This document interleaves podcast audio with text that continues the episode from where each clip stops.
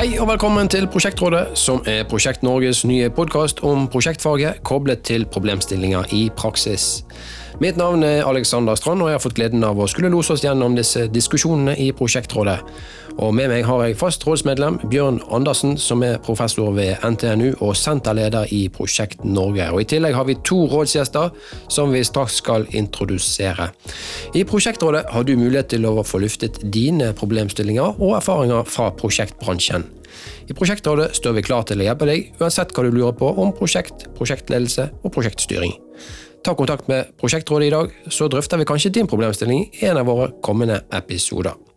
Send oss dine spørsmål på post krøllalfa prosjektnorge.no. Og dette er episode to av Prosjektrådet, og vi har de samme rådsgjestene som i episode én, da eh, de ble spilt inn samtidig. Og det er ingen ringere enn Inger Anne Landsem fra PKA Arkitekter i Trondheim og Johan Arnt Vatnan, som er selvstendig konsulent og for tiden har oppdrag i Statsbygg og i Statens vegvesen.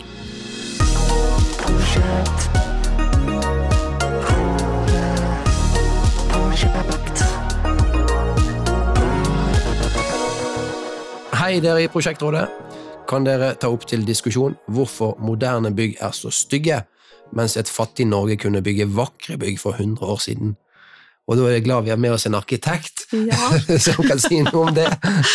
uh, det kan jeg si noe om. Ja. Det, var, ja, det spørsmålet. Det har jo vært aktuelt nå. Det er veldig fokus rundt det med stygt og fint og stygge ja, og fine bygg. Var ikke det noe som de kalte arkitekturopprøret her for et par år siden? Ja, det er, Noe, det er noe på Facebook eller noe. Ja. Uh, og, og men jeg syns jo det er sunt. Det er kjempebra at den uh, diskusjonen her kommer opp. Mm. Men det tror jeg da Arkitekturrådet så blir det liksom, det tar litt av. Det blir litt sånn, eh, sånn som sånne fora gjør, da. Ja. Ja. Eh, men akkurat det å begynne å diskutere på et vis uh, uh, hva som er vakker arkitektur, og hva som kunne ha vært gjort bedre og sånn, det syns jeg er kjempefint at vi løfter fram. Mm. Det må jeg si. Svar, et, det er mange svar på hvorfor et bygg er at vi, vi, bygger noen stygge bygg uh, nå, men det, jeg syns jo vi bygger veldig mange vakre, moderne bygg òg, for å mm. si det sånn. Det, det, vil jeg bare ha sagt. Og det var sikkert bygget noen stygge bygg i gamle dager? Det, ja, og så nå syns vi sånn Jeg, jeg, jeg, jeg, har jo, har jo jobba en del med antikvarisk bevaringsverdig bebyggelse, så jeg jeg ser jo store kvaliteter, og det er jo kjempeviktig at vi tar vare på mm. uh, våre gamle bygg. Uh, men, men, kan det ikke være at det mm. også ble bygd stygge bygg før, bare at de har vi ikke bevart? De er blitt drevet og borte, så vi sitter igjen med de fine. Og kanskje det med stygt og fint, det tror jeg også er en sånn i endring. Da. Vi bruker jo ikke akkurat de begrepene når vi snakker om, om arkitektur, da.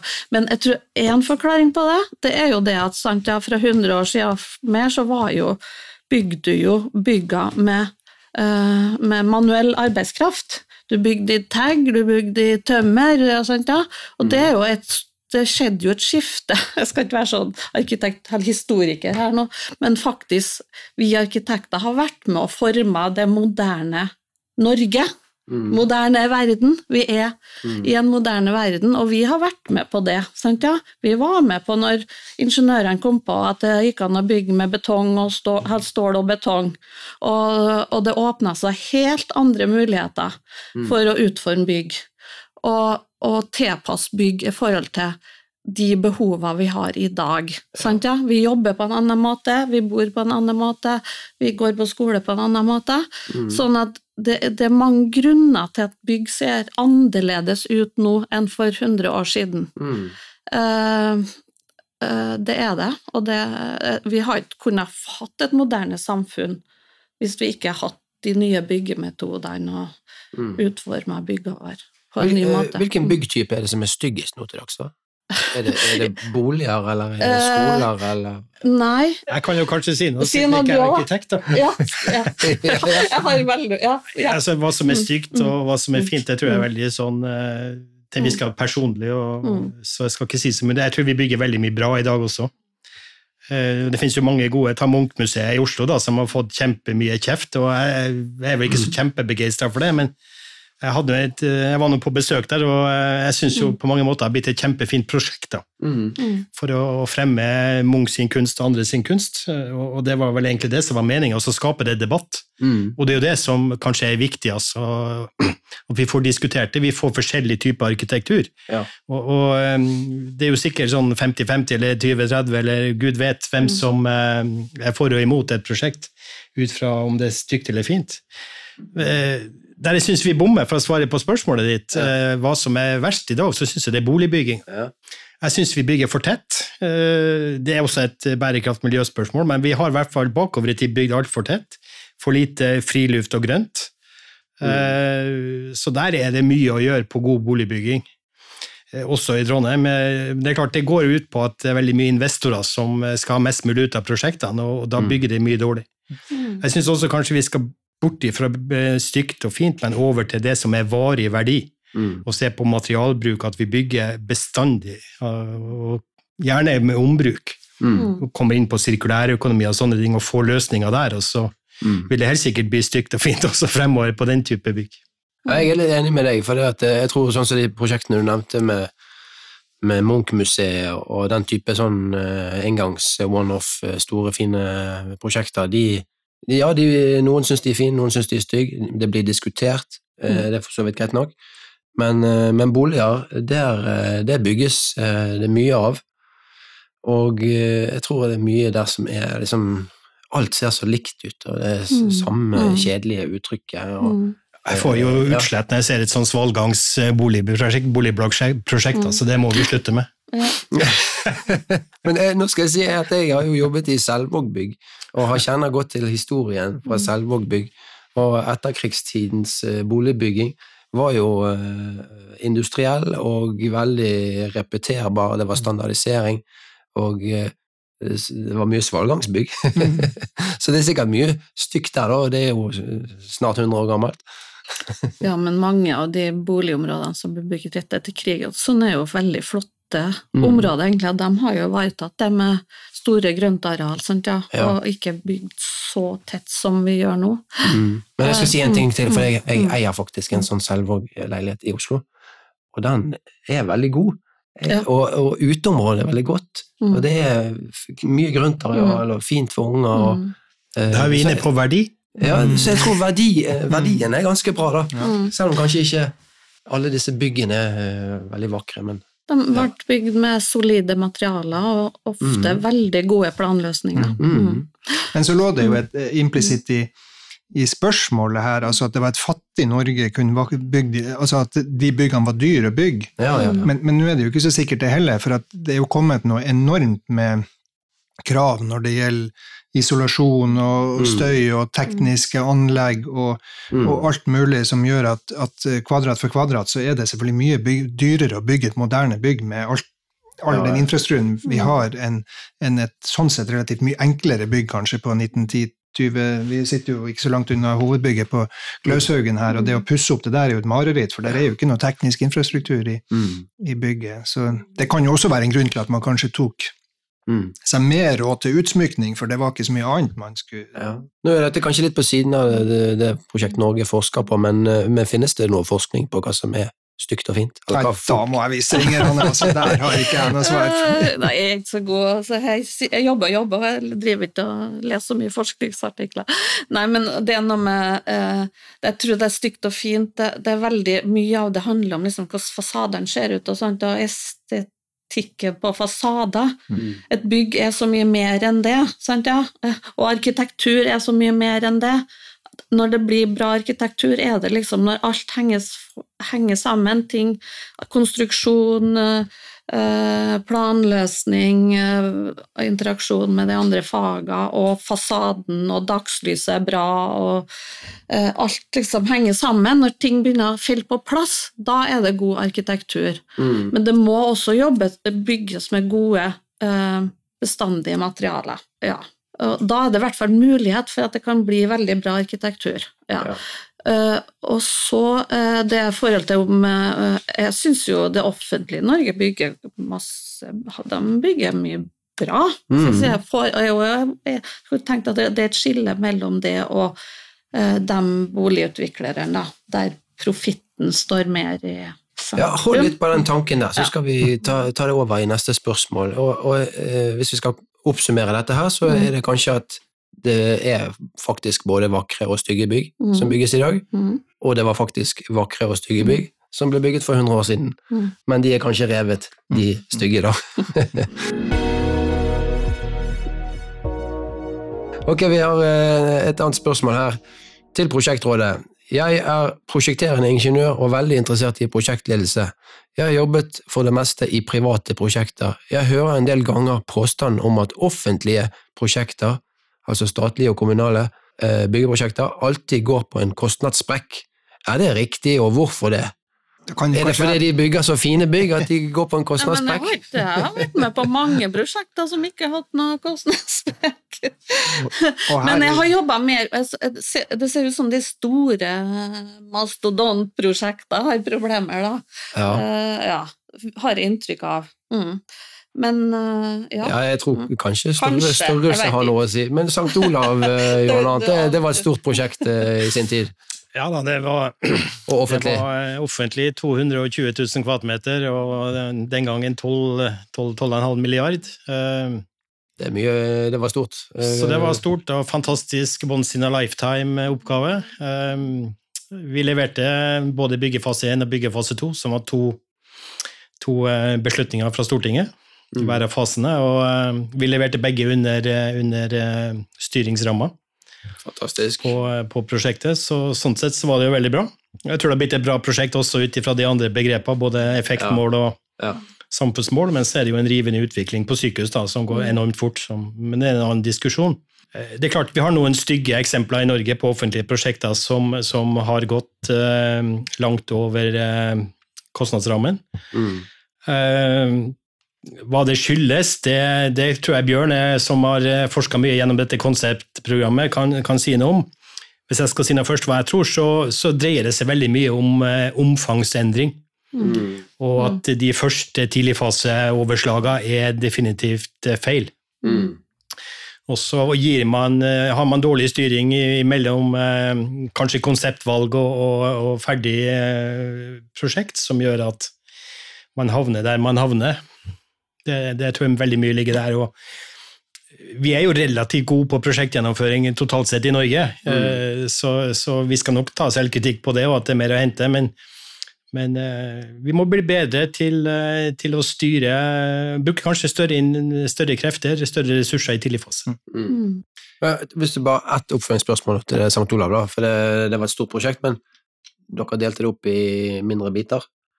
Eh, gjorde det det lettere å, å styre? Altså det var jo et, eh, Konseptet på St. Olav var jo flere bygg. da, altså Ja. I hver fase så hadde vi flere bygg, men det var to faser som var i den sammenheng 50-50 av eh, de 12,5 milliard. Mm. og 220 000 kvadratmeter, som, eh, som gjorde definitivt det var enklere å styre. Men på den annen side så gjorde det også muligheten til å læring underveis. Ja, sånn. Justering av gjennomføringsmodell Ja.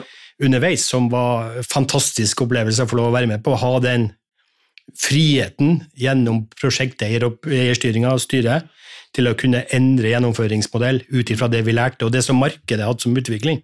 Tar du livsvitenskap i Oslo og kanskje Campus Ås, som var mye større enn ett bygg, så har du veldig liten justeringsmulighet. Det er akkurat det jeg tenker på, ja. Nå kjenner jeg ikke hvorfor det ble ett bygg på disse to prosjektene, men, men om det kunne det vært unnskyld, delt opp, men Ja. det, det kan jo hende. Men eh, det kan jeg ikke nå. Ok, Bjørn, eh, stemmer dette med forskningen? eh, Som, eh, Nei, det gjør, her må jeg bare si at den som har skrevet inn her, har en, påstand, men den er faktisk ikke riktig, vil jeg si. Nei, nei. Vi har mye empirisk forskning i dette konseptprogrammet. Nå forsker jo det på de aller største statlige investeringene, altså de som nå er over 1 milliard, før var 750 millioner, før det er 500 millioner. Men vi har jo empiri fra 100, snart 150 prosjekter her.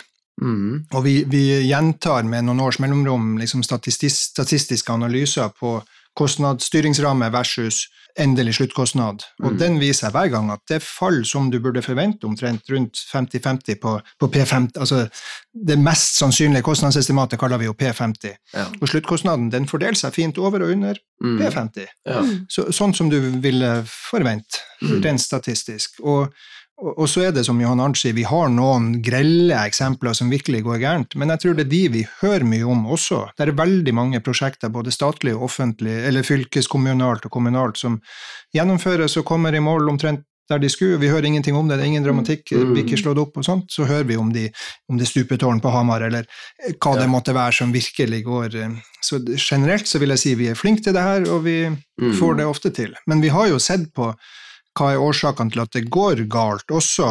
Ja. Og, og når det går galt, så Johan Arnt nevnte dette med, med endringer og omfangsjusteringer underveis og utover. Jo senere de kommer, jo verre konsekvenser har det, selvfølgelig. Mm. Så er det at mange prosjektene er komplekse, mye interessenter. Og vi har funnet én forskjell i de her statlige. det er Hvis de foregår urbane strøk i, rundt en by, så går de oftere over kost enn hvis de er på, i mer landlige strøk. Og det har selvfølgelig noe med det tekniske og hvor trangt og hvor vanskelig det er. Og jeg så nettopp et oppslag fra NGI som har skjedd på alt det som ligger i bakken i byer, som gjør at det nesten er umulig når du skal fundamentere eller du skal grave eller lage en tunnel. Det er så mye teknisk utstyr at det er veldig kostnadsdrivende. Men svak tidligfase, vil jeg si. Uegna prosjekt- og kontraktsmodeller, som vi var innom helt tidlig her. Mm. Og også, tror jeg vi må si, i noen tilfeller manglende kompetanse. De store statlige etatene, flergangskommunebyggherrene, er ofte flinke på det her. De som bygger sjeldnere, kanskje bare hvert tiende år har et prosjekt av en viss størrelse, de har kanskje ikke den kompetansen som skal Mm. til. Så er det jo et eh, Det er kanskje litt provoserende, da, men, men det er jo litt inne på det at de, altså, hvis du sørger bare altså, Som leverandør er jeg opptatt av å få større kake hele veien. Ja. Og det er insentivet ditt. Ja. Altså Rådgivere de er jo timebetalt i større grad. Ja. Jo mer timer de får inn i prosjektet, jo mer kjenner de. Og det er jo sammen med deg som leder den debatten her òg, altså som rådgiver, og meg for så vidt sjøl òg. Ja. Jo mer timer vi klarer å selge til prosjektet, jo, mer, eh, jo bedre går det jo. Ja. Så, så vi må over på andre forretningsmodeller. ja, det er litt sånn perverst insentiv, som det heter. Mm. Ja, ikke sant, det er det. Litt sånn motstridende. Ja. Ja. Mm. Mm. Så klart, jo mer vinduer en leverandør eh, leverer, jo bedre går det. Jeg tenkte litt på det der med, med tidlig fase og, og liksom det å kalkulere og budsjettere et prosjekt. da. Fordi at uh, Vi har vel uh, alle sett prosjekter som er budsjettert altfor optimistisk, sånn? Mm. og dermed uh, sklir over kostnadsrammen. Mm. Og de, kanskje de har gjort det bevisst eller ubevisst for å få dette Få det i prosjektet igjennom og få få det i gang. sant? Og så er det lettere å få tilgivelse enn tillatelse.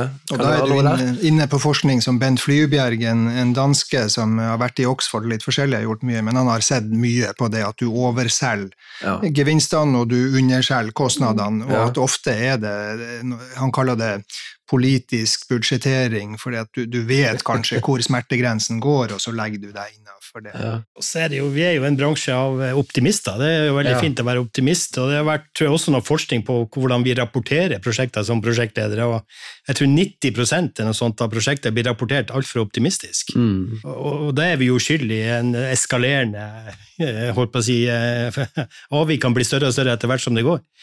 Så, så jeg tror der kan vi nok ta litt lærdom som prosjektledere, at vi vi må kanskje bli litt mer eh, troverdig på rapporteringa og, og eh, få opp utfordringene tidligere enn det vi har vært vant til. Mm. For derigjennom kunne sette inn tiltak. Da. Ja. Så de som budsjetterte denne stortingsgarasjen, de var kanskje litt på den optimistiske siden, da. Ja, Jeg kan jo provosere en gang til. Jeg kan jo si at Hvis det prosjektet er rådgiverstyrt, så går det som regel dårlig. Ja. Noen som vil eh, ha replikk på den, eller skal vi la den henge?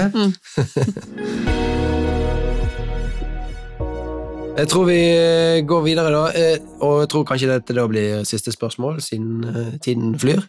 Eh, Og det er et spørsmål som lyder som følger. Hei, Prosjektrådet. Jeg har tidligere jobbet med standardisering i byggebransjen.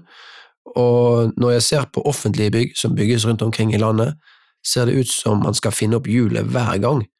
Kan AS Norge lage et standard skolebygg som kan kopieres i alle landets kommuner, eventuelt tilsvarende for sykehus, eldrehjem osv.?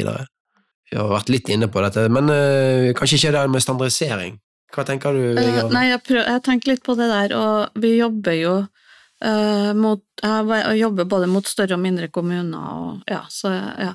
Og eh, det er en del standardisering i bygg, sant, ja, fordi at vi, for eksempel helsebygg, da, helse og omsorg, så har du et eh, beboerrom, et bad, Mm. og det, jobber, det er jo et, noe som gjentar seg i alle prosjekt rundt omkring i alle kommuner. Ja. Men å standardisere hele bygget, det, tror jeg, det ser jeg på som veldig vanskelig og uhensiktsmessig. Fordi at kommuner er jo så ulike i størrelse og behov og ja, eh, de ligger eh, ulike steder i landet, og det avhenger av klima og eh, plassering på tomta, og det er veldig mange, mange faktorer som gjør at et bygg blir utforma som det blir. Mm. Men vi har en del byggeklosser som, eh, som vi slipper å kom, finne, Ja. opp, finne opp hver gang. Ja. Ja, som f.eks. et sånn eh, beboerrom eller et pasientrom på sykehus. Da. Mm. Og også mange andre sånn sykehus. Der er det jo, de jobber med sånn standardiseringskataloger og sånn på Mm. veldig mange rom. Men det handler litt om hvordan vi setter dem sammen. Hvert prosjekt blir unikt på måten vi setter sammen de byggeklossene. da. Mm. Fordi at det, noen skal ha øh, åtte beboerrom, og noen skal ha 132, eller ja, hvis du skjønner. Ja, så det, øh, jeg Mm. tror alt en bygg må tilpasse sine omgivelser. Om tomta, eventuelt omkringliggende bebyggelse, det er noe høyderegulert, mange ting man må forholde Ja. seg til når man utformer et bygg. Ja. Jeg er enig med det Inger Anne sier. På den annen side så er jeg jo enig med spørsmålsstiller nå. Det er potensialet for jeg tror vi vil si, vesentlig mer standardisering. Ja. Og Da kan vi standardisere på de byggeklossene som, som Inger Anne. Altså hvorfor, når det bygges ganske mye sykehusprosjekter i Norge Mm. eh, for tida, det skal bygges mange de ti neste årene også, på, på fornybar infrastruktur på sykehus, hvorfor må vi finne hvordan et pasientrom skal se ut hver gang? Mm. Så her har jo helse- eller sykehusbygg eh, en klar rolle å standardisere mer, og jeg vet de jobber med det, men Mm. det må gå raskere. Ja. Eh, når vi bygde, Jeg var med i Tønsberg-prosjektet, det siste byggetrinnet på, på sykehuset i Vestfold. Og, Mm. og der hadde vi jo veldig ambisiøse mål på mange områder innenfor eh, prosjektet, men vi skulle også standardisere og industrialisere mer. Ja. Og skal vi få ned kostnaden, så må vi industrialisere og standardisere mer. Mm. Så vi hadde jo en samarbeid med, til et visst stadium med et, eh, et arkitekt- og rådgiverfirma i London som heter Bryden Wood, som var fantastisk med hensyn til hvordan de tenkte byggeklosser hadde standardisert. De hadde gjort det innenfor fengsel, de hadde gjort det innenfor til en viss grad sykehjem. Mm. Og, og de hadde jo eh, sånne små elementer av byggeklosser som de satt sammen, og målet deres var jo at ufaglært arbeidskraft kunne bygge disse byggene. Mm. Og jeg tror de hadde et fengsel nede i Afrika sånt som, som de, de innsatte også skulle være med å bygge. Ja, ja. Så du skulle være med å bygge ditt eget fengsel. Fordi at da fikk du eh, legoen ikke sant, tilsendt, og så fikk du en, en montasjebeskrivelse. Så var det selvfølgelig veiledere med, og så, så satte de opp bygget. Det ble ganske gode bygg òg. Ja, jeg stusser litt på det du sier, da, for at eh, hvis du da må hente en arkitekt fra London for, for å lage et standardprosjekt eh, Og så hadde de kanskje noen byggeklosser fra, fra England, da? Eller Altså sånn som Sykehusbygg, eh, det er vel en sånn sentral organisasjon som skal kunne serve alle kommuner og, og behov i hele landet, ja. Ja, I Så- hvert fall eh, helseforetakene. ja, ja ja var innenfor sykehus. Mm. Eh, Sånn at de, de burde jo da ha kontroll på dette her med standard, hva er standard, hva er byggeklossene. Mm. Mm, Men har de noen arkitekter og designere der Ja, vi jobber jo med Jeg vet ikke Vi trenger å hente kompetansen fra England. Vi jobber veldig mye med standardiseringa, vi òg, ja. Absolutt. Mm. Vi er opptatt av det. Mm. Uh, uh, og at det skal eventuelt uh, kanskje være mulig å bygge med moduler. Sant? Ja, baderom, det er jo noe som har vært lenge, da. Sant? Ja. At, du, at du får levert baderomsmoduler, men vi jobber jo med, med å standardisere og optimalisere rom, da, sant? Ja, som det der beboerrommet eller pasientrommet. Så vi har mye kompetanse på det i Norge òg. Mm. For, Eh, og så tenker jeg ved standardisering og kanskje fasadeelementer eller ting som kan eh, produsere et, et annet sted. Sant? Ja, Mhm. det, er jobb, det har jo vært på mange prosjekt som har gjort, men det, ofte er det litt sånn entreprenørens valg. Det handler litt om innkjøp, om det er om de bygger på plassen, eller om de kjøper fasadeelementer et annet sted. Men det er jo sånn som har vært lenge òg, da. Men, men eh, absolutt. eh, ja. Og det, vi, vi, vi arkitekter syns det er spennende å tenke på den måten. Mm, Ja. Og den fordelen jeg har, er at jeg ikke har arkitekt, så da kan jeg ikke alle begrensninger. Men jeg vet jo man gjør jo en del av det her i privat sektor. Altså, en Ikea-butikk ser jo stort sett lik ut i hele verden. og Vi har jobba med de her amerikanerne som jeg nevnte i CII, rundt, de snakker mye om Walmart. Nå, nå er ingen av de her eksempler på vakre bygg, vil jeg jo si, men, men Walmart også har en sånn, sånn, der du har byggeklosser, mm. og avhengig av fra delstat til delstat så har du enten lov å selge våpen eller ikke, eller du, det er mm. forskjellige reguleringer som du må endre på, men da er det noen tastetrykk, bokstavelig talt, i, i, i, i, tegneprogrammet ditt som legger til eller tar ut en modul mm. eller noe sånt, og så er det likevel veldig standardisert. Mm. Og, eh, en, en skole er jo mye godt en mm. skole, så hvis, hvis AS Norge, som spørsmålet var, blir enige om at jo, liksom en standard ungdomsskole stort sett sånn, og så må den selvfølgelig tilpasses terreng, og, og, kanskje må du endre fasaden ut fra det som ligger rundt, og sånt, men at i mm. grunnprinsippet så en optimal, god skole er sånn, og når en kommune skal bygge en skole, så tar man frem den, og så skalerer man den til den størrelsen man trenger, og så sparer man massevis av prosjekteringsarbeid, mm. og, og, kanskje at det industrielt kan produseres mye mer effektivt. Men det finnes jo da sykehusbygg, har vi lært? Skulle vi hatt et uh, skolebygg AS som fungerte over hele Norge? I, I, hvert fall noen som tok et ansvar kanskje for å ja. prøve å finne ut hva er det vi kan standardisere, og, og finnes det liksom, forskning og erfaring og praksis tilsier at dette er det optimale skolebygget, og kanskje på forskjellige stadier. De ja, tror, ja, akkurat skoler så tror jeg det er store diskusjoner. Da. Det er veldig ulike holdninger i ulike kommuner. Hva er et optimalt ja, skole... Det, du kan starte der, da. Mm. Mm. For å si det sånn, det er jo ganske mange sånn ja, sterke ja, uh, opp, ja, men det er kanskje at de bør da ikke helt få ha den myndigheten til å bestemme ja, men det? vet jeg og Sintef. Ja, noen er jo for ja, uh, det er veldig forskjellige holdninger fra kommune til kommune hva en mm. optimal skole, tenker jeg. Men i de store prosjektene som, mm. mm. som vi alle har vært borti, så, så, standardiseres jo en del. altså På det St. Olav-prosjektet i City mm. så standardiserte vi jo sengetun, sengerom og vi, seminarrom for universitetet og undervisningsrom til, i høy grad. Mm. Men jeg tror vi må over på mer standardisering som igjen fører til industrialisering, som, som Bjørn er inne på, for å få ned jeg holdt på å si både kost og byggetid. Mm. Eh, og der er det noe å gå på. I det oppdraget som jeg leder for Statsbygg nå, på, på ny campus i, i samling i Trondheim, så har vi jo direkte i oppdragsbrevet fra departementet så står det at vi skal legge til rette for høyere grad av standardisering. Ja. Så, så, eh, det kommer jo da også fra, eh, fra regjeringshold. Ja. Og det eksempelet jeg viste eh, fra England, det var jo fordi at dette firmaet hadde et oppdrag for den britiske regjering og departement på å få ned byggekostnad hvor standardisering var viktig. Og Den gangen så var det ikke noe miljø verken i Norge eller Norden som kunne svare opp det så godt som dette mm. engelske firmaet. Det har igjen med det å åpne perspektiv og se hva skjer ute i verden. Mm. mm. Ja. Mm. Eh, alle kjenner jo Empire, Empire, State Building, og hvor raskt og bra det var standardisert, og hvor fort det gikk. Mm. Så, så, vi kan jo begynne å legge ambisjoner på noe tilsvarende. Ja, ja, ja.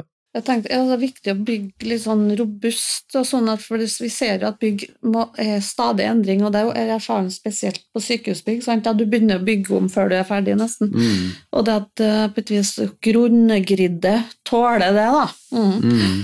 Det er jo en viktig poeng, tenker jeg, for vi skal jo ta vare på de bygga vi har, og det er jo de fleste bygga er allerede bygd, det er ikke sånn, da? Mm.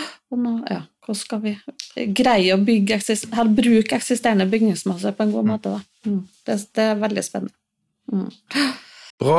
Jeg eh, syns vi kan konkludere på spørsmålet da at eh, ja, eh, AS Norge kan lage mer standardbygg eller byggeklosser. Mm. Uh, men det kan gjøres mer. Det gjøres noe, men det kan gjøres mer. Og så må det tilpasses de omgivelsene ja, det skal absolutt. plasseres i. Mm. Ja. Ok, skal vi runde av eh, dagens eh, episode, og uh, vi har fått inn mange, mange fine spørsmål, og uh, hvis lytterne kjenner at de har lyst til å få sitt sin problemstilling eller dilemma luftet eller diskutert her i Prosjektrådet, så kan man sende inn på post krøllalfa prosjektnorge.no. Ok, en liten sånn eh, evaluering til slutt. Hvordan gikk dette her, eh, dere? Hva syns dere? Syns vi har fått eh, gode diskusjoner. Vi er jo sammensatt med forskjellige bakgrunner, og spørsmålene var jo innretta mot at de kunne besvares fra ulike vinklinger, så det, det får håpe vi har hjulpet noen av de som lurte på ting. Ja. ja. Hvordan var det å være med som eh, rådsgjester? Det er jo interessant og morsomt å få lov å prate om det man driver til daglig, og Ja. se på ja, det er ulik både forskning og eh, undervisning her, og arkitekt fra rådgiversida. Så Mm. Mm. det er jo kjente problemstillinger, da. ja visst. Ja, nei, jeg syns det har vært eh, fint å få være her og få bidra litt. Og fra stå, arkitektens ståsted. Mm.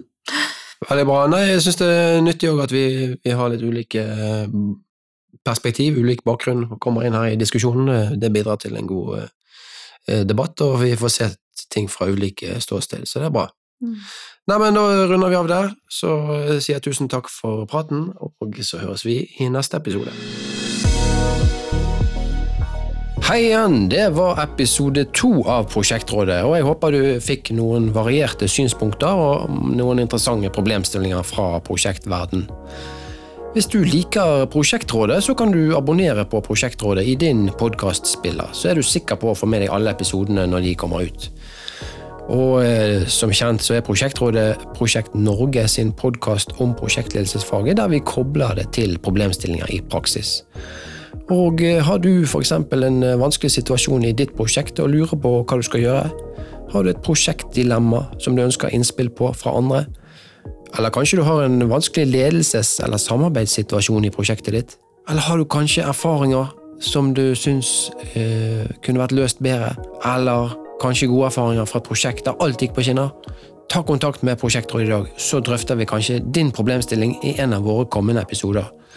Send oss eh, da spørsmålene dine på postkrøllalfa.prosjektnorge.no. Og lytt gjerne til vår søsterpodkast Prosjekteffektpodden, som du kan finne på prosjekteffekt.no, eller der du liker å høre podkast. Prosjektrådet er produsert i samarbeid med T2 Prosjekt, og mitt navn er Alexander Strand. Jeg ser frem til vi høres i neste utgave av Prosjektrådet. Project.